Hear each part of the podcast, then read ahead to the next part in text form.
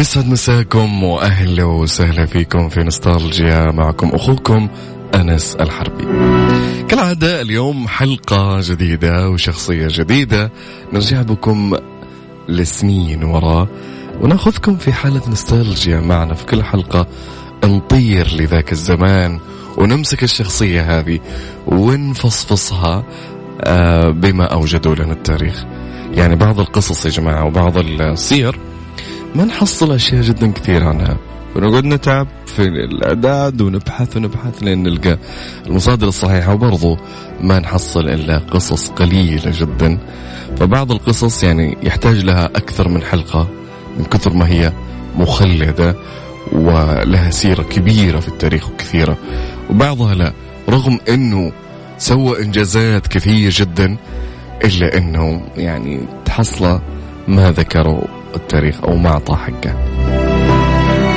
اليوم عندنا شخصية قال عنها أينشتاين لا أستطيع أن أصدق أن مشرفه قد مات وقال أنه سيبقى دائما حيا من خلال أبحاثه فنحن في حاجة إلى مواهبه وإن موته خسارة كبيرة وقال أنه كان عالما عبقريا وقد اعتدت على اعتدت على متابعة أبحاثه في الطاقة الذرية وبالتأكيد هو واحد من أفضل العلماء في الفيزياء.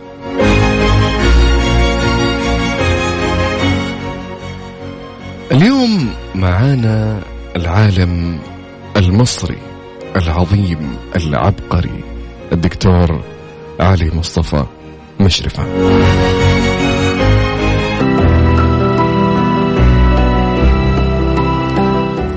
أهلا وسهلا فيكم من جديد في نوستالجيا. قلنا اليوم قصتنا آه عن العالم العظيم الدكتور علي مصطفى مشرفه. قلنا إنه شيء مو مستغرب ابدا إنه ألبرت أينشتاين أعظم العلماء في هذا العصر وذلك العصر آه كانت له معرفة شخصية جيدة بشخصيتنا اليوم مؤكدا أنه لم ينسى اسم وإنجازات الدكتور مشرفة.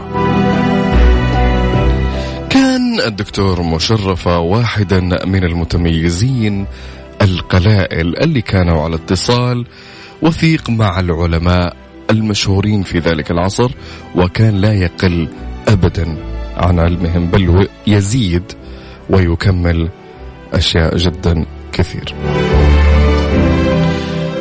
قام مشرفة بإثراء النظرية النسبية لأينشتاين وكان رائد العلماء العرب في العلوم الطبيعية وكتب 26 من الأبحاث الهامة بما فيها التفسيرات النظرية للظواهر الطبيعية وشرح النظرية اللي سهلت دراسة الهيكل الأساسي للذرة.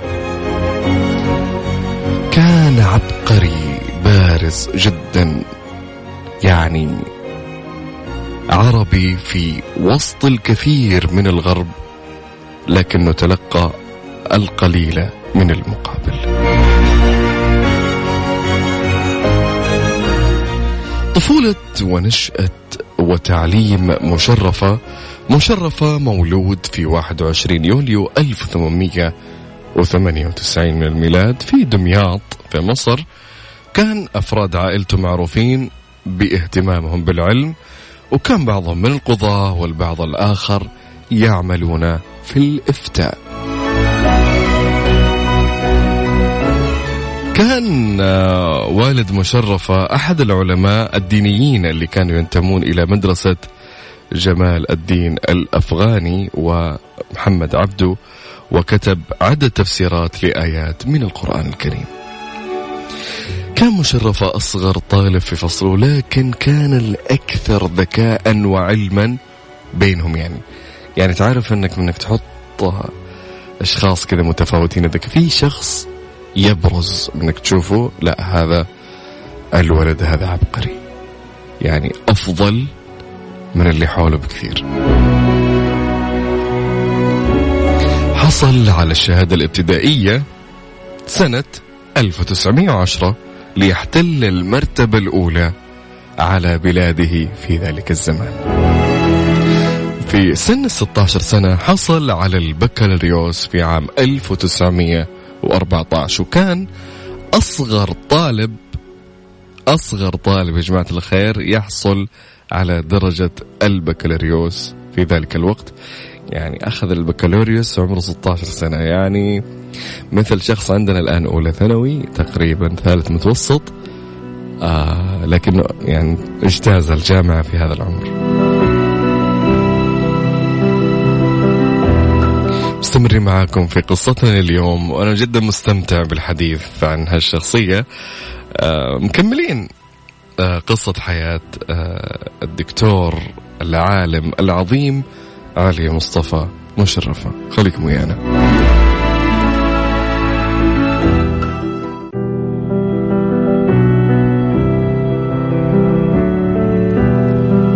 مستمرين معكم في نوستالجيا وأهلا وسهلا فيكم في قصة كالعادة جديدة وسيرة حياة جديدة. اليوم معنا آه، الدكتور علي مصطفى مشرفة.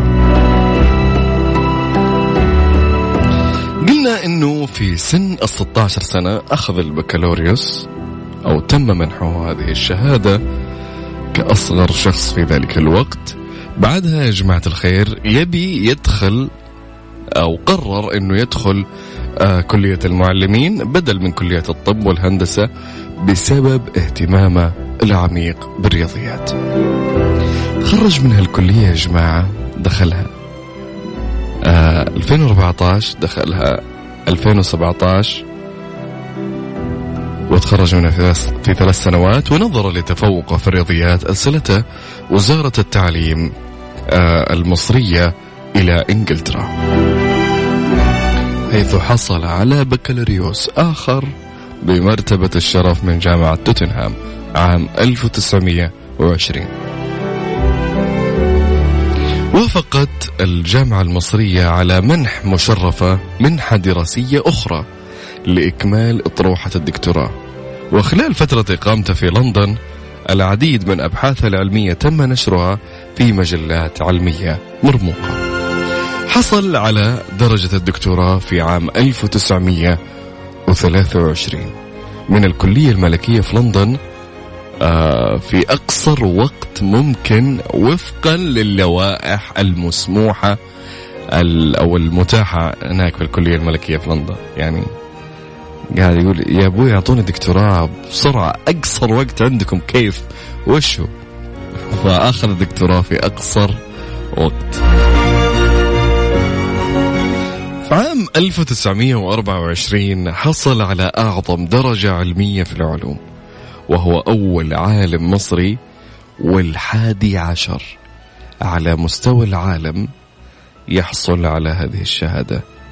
وعندما عاد إلى وطنه إلى مصر أصبح مدرس في كلية العلوم أو كلية المعلمين العليا.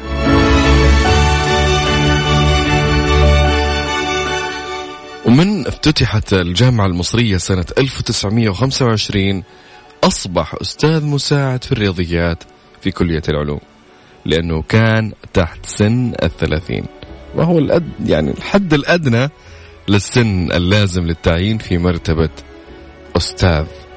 وتم رفع ترقيته إلى أستاذ في البرلمان اللي كان يترأسه شخص اسمه سعد زغلول وشاد البرلمان بمؤهلاته وعبقريته ومزاياه التي فاقت حتى العميد الإنجليزي. في الجامعة في ذاك الوقت. طب مستمعين نروح الفاصل النشرة الرياضية ونرجع لكم نكمل آه قصتنا.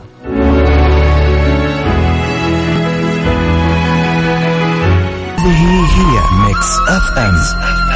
ميكس أف أم معاكم رمضان يحلى. نوستالجيا برعاية إكسترا.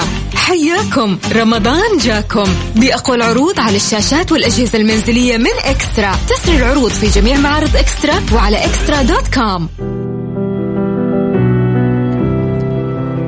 وأهلا وسهلا فيكم في نوستالجيا. نكمل قصتنا لليوم آه اللي هو الدكتور علي مصطفى مشرفه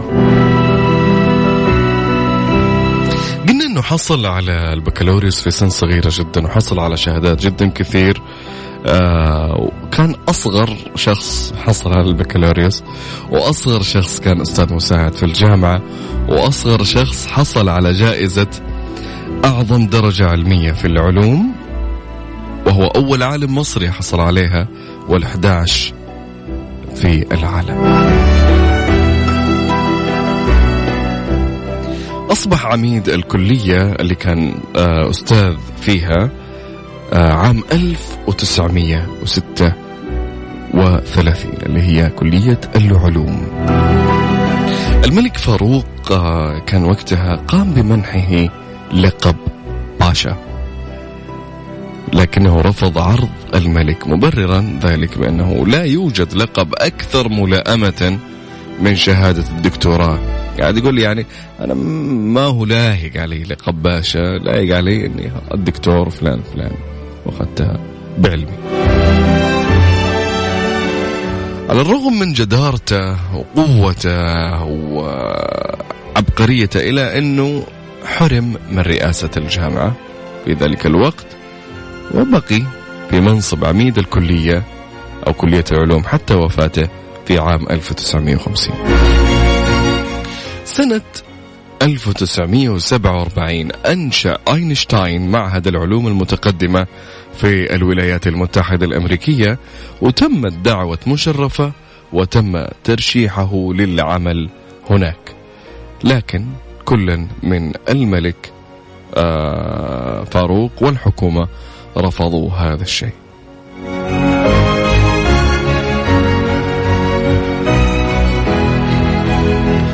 مؤلفات مشرفة يا جماعة الخير وإنجازاته كان واحد من عدد قليل من العلماء في ذلك الوقت الذي عرفوا أسرار بنية الذرة.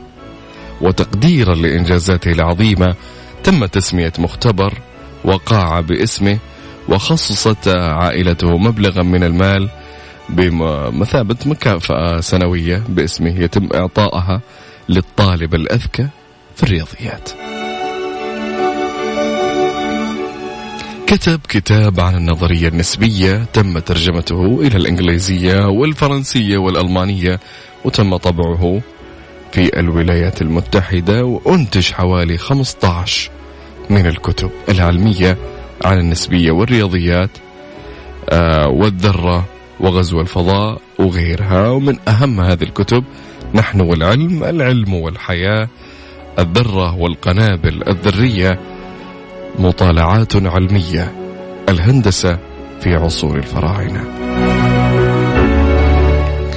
هو أول شخص يعتبر يا جماعة يعني تاريخيا اللي يدعو أو دعا إلى الإصلاح الاجتماعي والتنمية القائمة على الأبحاث العلمية.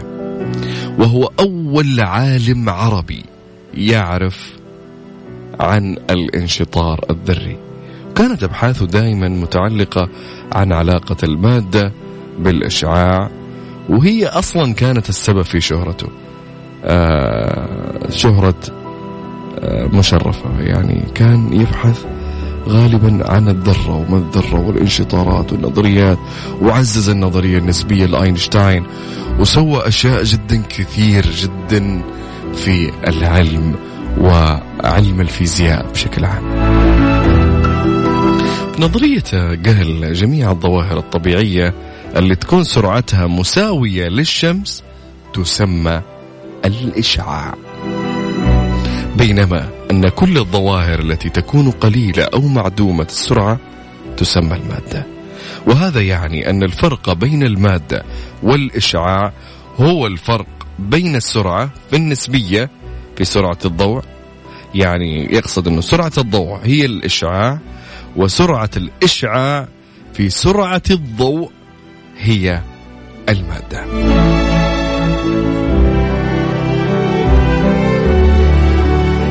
فاصل صغير يا جماعة وراجعين. نكمل معاكم قصة الدكتور علي مصطفى مشرفة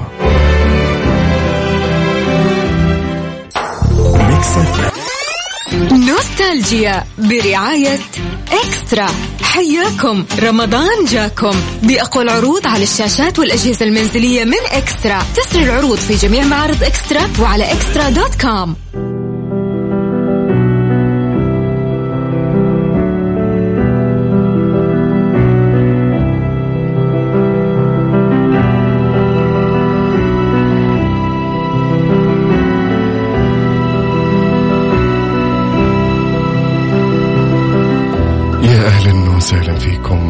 مستمرين في قصتنا في نوستالجيا. آه اليوم قاعدين نتكلم عن الدكتور علي مصطفى مشرف.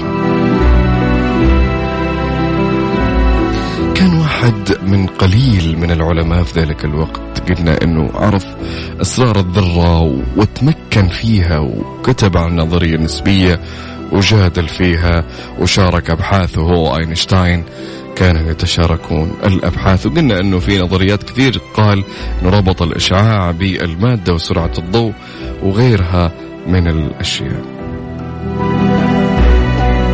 كان حريص على نشر الوعي العلمي دائما يشجع العلم دائما يشجع أنه تترجم الكتب الأجنبية للعربية عشان الناس تفهم كثير والعكس. فشجع كثير على ترجمة الكتب العلمية. كان ضد استخدام الطاقة الذرية في الحروب وحذر من استغلال العلم كوسيلة من وسائل الدمار.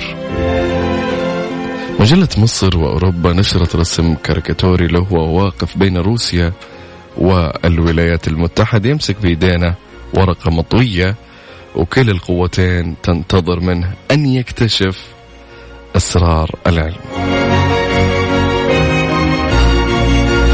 جدير بالذكر يا جماعة أن الدكتورة سميرة موسى وشهيرة جدا في الفيزياء كانت إحدى طالباته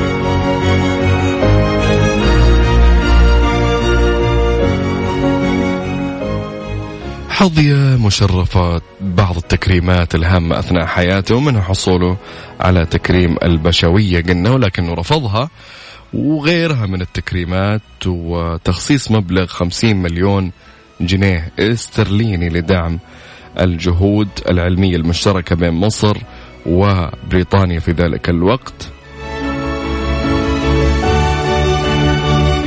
توفي علي مصطفى مشرفة في الخامس عشر من يناير سنة 1950 إثر تعرضه لأزمة قلبية.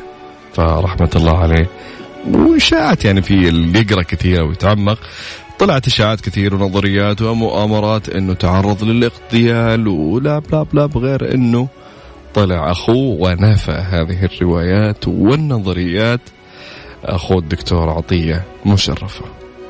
كان ضمن الكتاب اللي نشره تخليد اللي ذكر أخوه اللي هو سيرة علي مصطفى مشرفة فرحم الله الدكتور علي مصطفى مشرفة من حقنا نفخر دائما أقول من حقنا نقول أنه في علماء مسلمين في علماء عرب في ناس صنعوا التاريخ وحفروا اسمهم في التاريخ.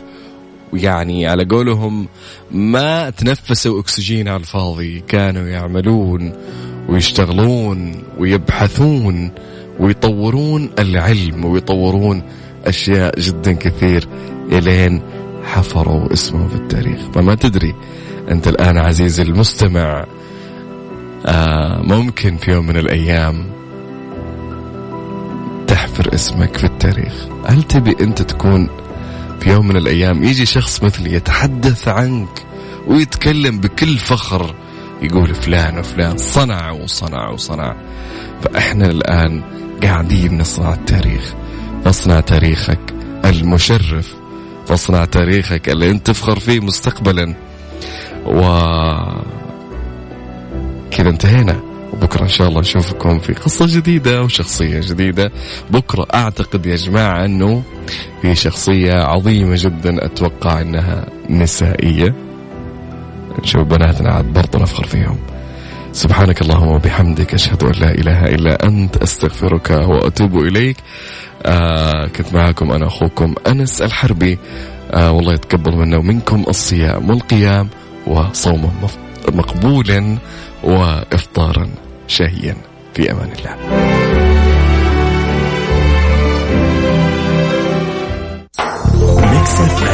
في رمضان